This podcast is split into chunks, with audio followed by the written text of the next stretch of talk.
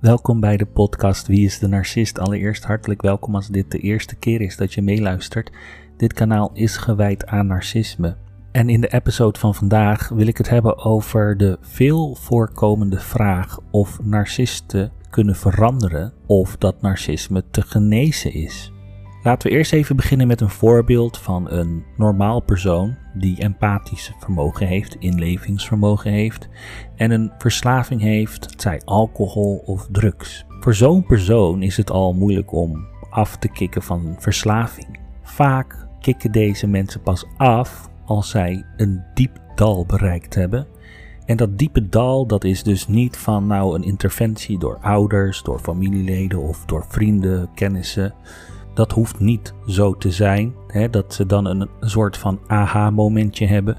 Omdat ik gedwongen word, moet ik gaan afkicken. Verslaafden, die komen natuurlijk ook in soorten niveaus. Hè. Je hebt mensen die beginnend verslaafd zijn en op het begin van de verslaving erachter komen van goh, dit is niet wat ik wil en ik moet veranderen. En ze hebben als het ware nog heel veel krediet. Ja, ik noem het maar krediet. Van goh, je hebt nog een baan, je hebt nog een goed inkomen, je hebt de familie die nog bij je staat. En, en je ziet in van goh, ik moet het roer omslaan en ik ga nu afkicken.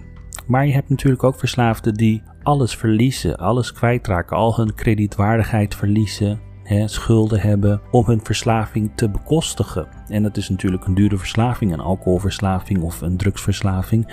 Maar het is niet alleen duur omdat het geld kost. Het zorgt er natuurlijk ook voor dat je je omgeving kunt verliezen. Eh, je hebt gewoon geen steun, je hebt geen support system meer, of je bent gewoon je baan kwijtgeraakt. Je bent misschien door drugsverslaving je onderneming kwijtgeraakt. Misschien ben je zelfs failliet door een verslaving. Maar wat ik ermee wil zeggen is dat als een verslaafde in een diep dal raakt, zeg maar rock bottom, dan maken zij de keuze 12 stappenplan te volgen om af te kicken. En vaak hoor je deze verslaafde of ex-verslaafde zeggen dat het een dagelijkse dagbesteding is om eraan te werken. Nou, nu gaan we even naar de narcist. De narcist komt ook in verschillende niveaus. Ja? Je hebt de jonge narcisten, de lage niveau narcisten. En meestal zijn de jonge narcisten nog een beetje tussen haakjes dom. En die moeten nog heel veel leren over narcisme en hun manipulatietechnieken. En hoe ze die kunnen verfijnen. En die worden steeds beter in manipulatietechnieken. Die verfijnen dat ook. Um, een narcist kun je ook vergelijken met een verslaafde.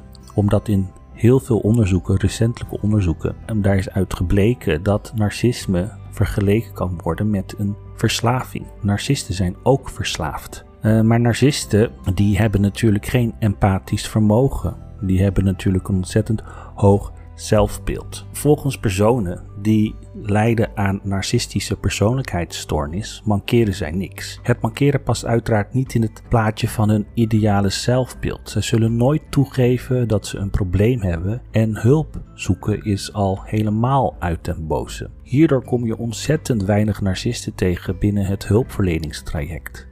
Uit onderzoek is gebleken dat persoonlijkheidseigenschappen moeilijk te veranderen zijn.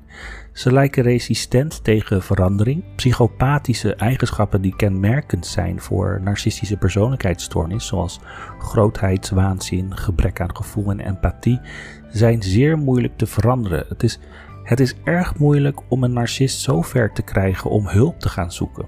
Uit onderzoek blijkt dat narcisten die wel hulp zoeken, vrijwel nooit genezen van deze stoornis. De narcist zal nooit toegeven dat hij of zij een probleem heeft. En waarom zou je een oplossing zoeken voor iets wat geen probleem is? Volgens de narcist mankeren ze niks. De enige mogelijkheid om een narcist zover te krijgen om hulp te zoeken is door hem te verlaten. Hij zal toegeven en zeggen dat hij zal veranderen of hulp zal zoeken. Let hier echter wel mee op. Narcisten zijn vaak meesters in manipulatie en pathologisch liegen en zullen veel zeggen om te behouden wat ze hebben. Dat narcisten veel moeite hebben met het zoeken van hulp mag duidelijk zijn. Het blijkt dan ook vrijwel onmogelijk om te genezen van narcistische persoonlijkheidsstoornis. Eigenlijk komt het erop neer dat er manieren gevonden moeten worden om ermee om te gaan. Ermee te leren leven.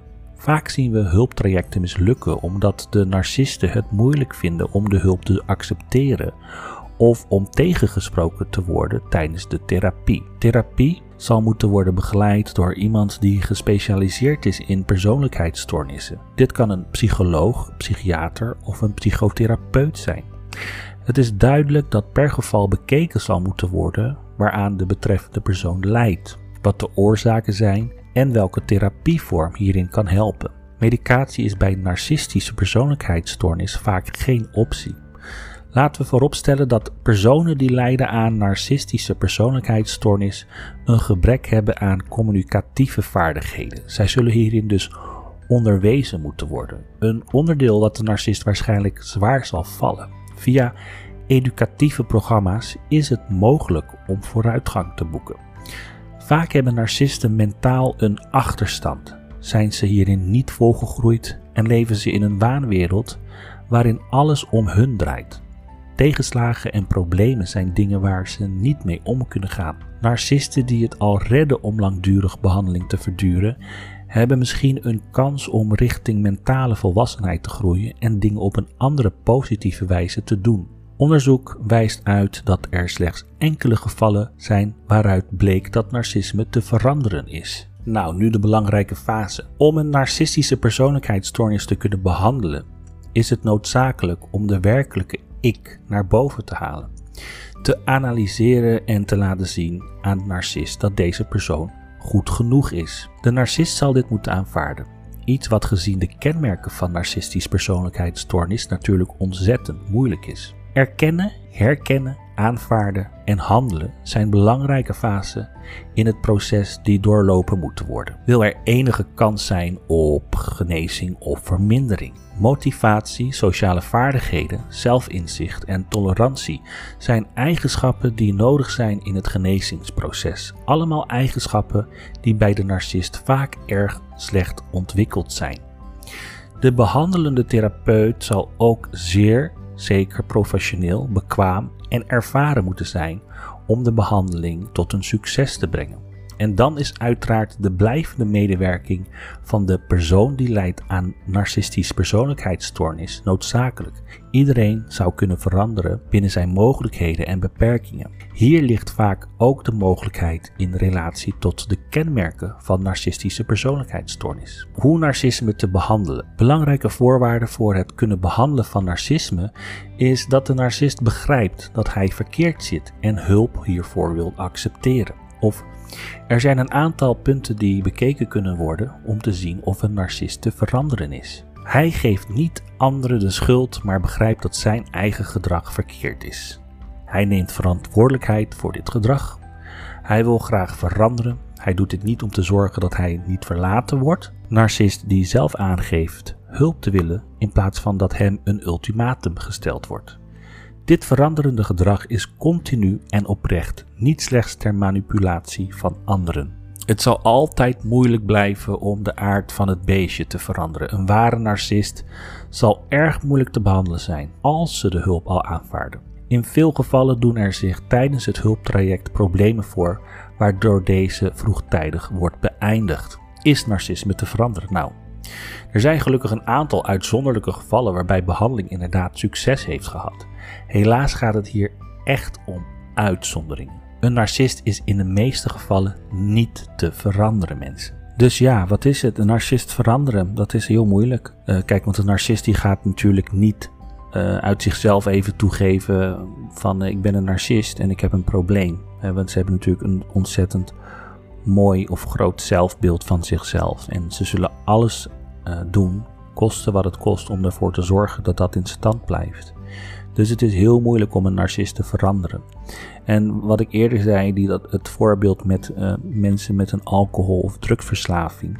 Die kun je vergelijken met narcisten, omdat narcisten ook een verslaving hebben. De, de, de narcist heeft een verslaving. Dus dat is het probleem bij narcisten. Narcisten kunnen niet naar zichzelf kijken. Niet, ze doen niet aan zelfreflectie. En ik ga daar een podcast over maken: narcisme en schaamte. Dat is de volgende episode die, uh, die ik ga maken. Dit is natuurlijk een zeer veel voorkomende vraag van mensen: van goh, kan een narcist veranderen of is het te genezen? Nou, narcisme is geen ziekte hè, waarvoor je even een pilletje slikt. Het is een stoornis. Er zit echt een paar draadjes zitten er los in het hoofd van zo'n narcist. Dus het is niet zo van, goh, ga even een pilletje nemen. En een alcoholist die kan ook niet zo even een pilletje nemen en afkicken. Want dat is ook geen ziekte. Het is een verslaving. Dus ze hebben allebei, je kunt het vergelijken met een verslaving. Maar een narcist kan ook in een diep dal raken, in een depressie raken. Omdat ze natuurlijk, naarmate ze ouder worden, worden ze steeds ongeduldiger. Ze worden steeds meer agressiever.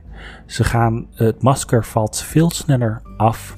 En mensen zullen ook heel snel in de gaten hebben dat ze te maken hebben met een narcist. Ze zullen heel vaak afstand nemen van zo'n narcist. En dat zorgt voor dat die verslaving die die narcist heeft, dat dat moeilijk te krijgen is, omdat mensen sneller geneigd zijn om afstand te nemen van zo'n narcist. En dan wordt het steeds moeilijker voor een narcist om die voeding steeds te krijgen, die narcistische voeding die zo belangrijk is voor een narcist. En je hoort heel vaak narcisten op een bepaalde leeftijd. En uit mijn ervaring heb ik gezien dat heel veel narcisten rond hun dertigste zeggen van ik ben depressief. En komen er eigenlijk bepaalde dingen uit hun verleden naar boven, waarmee ze eigenlijk gedwongen worden, of een gevoel komt eigenlijk naar boven bij hun. Uh, ik noem even een voorbeeld. Stel dat een narcist 30 is en die heeft misschien een paar jaar voor zijn of haar dertigste uh, misschien een vader of moeder verloren. En op het moment dat zij gaan rouwen, helpt deze narcist. Deze narcist helpt, dus die heeft echt wel gevoelens. Ja, maar waar komen die gevoelens vandaan? Is het verdriet of is het frustratie? En een narcist huilt meestal uit frustratie. Niet omdat ze verdrietig zijn, maar meer uit frustratie. Uit frustratie omdat zij diep van binnen het gevoel getriggerd wordt dat zij onrecht hebben aangedaan aan die ouder die is overleden. En nu is die ouder overleden en ze hebben toch nog een bepaald schuldgevoel en dat komt naar boven.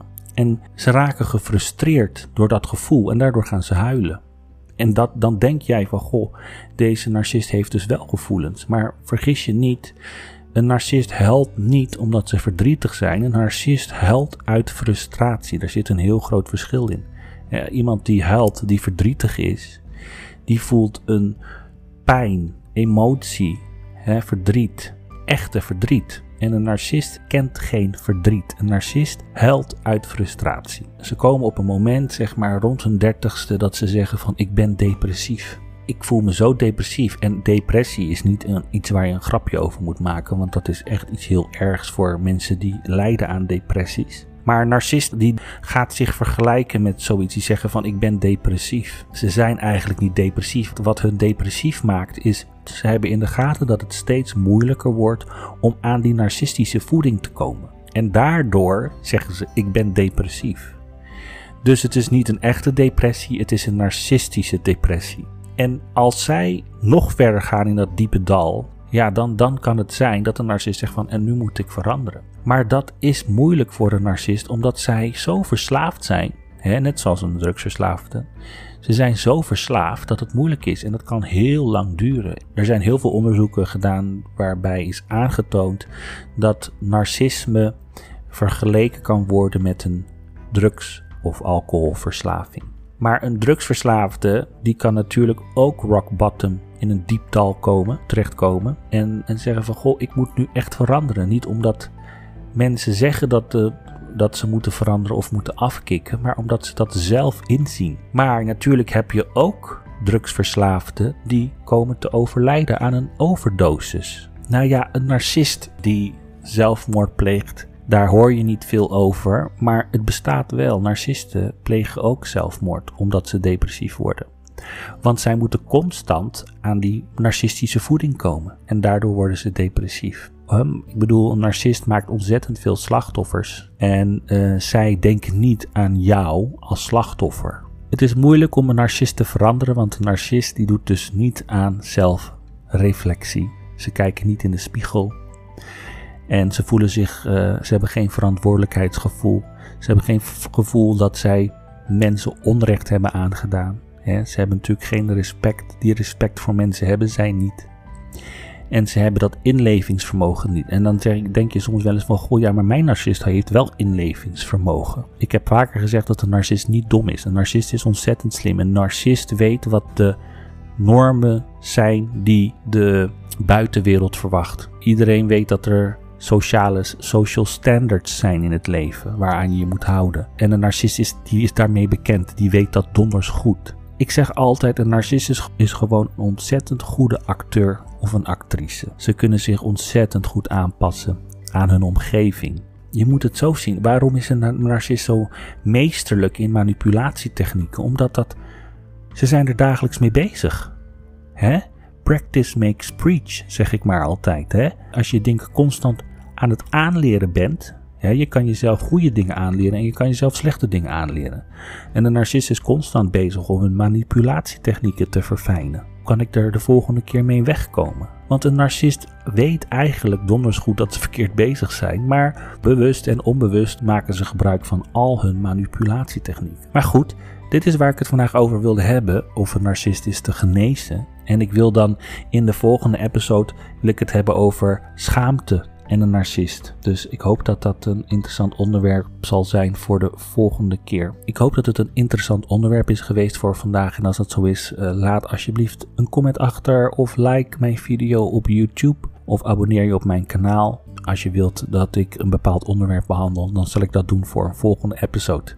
Bedankt voor het luisteren voor vandaag en tot de volgende keer.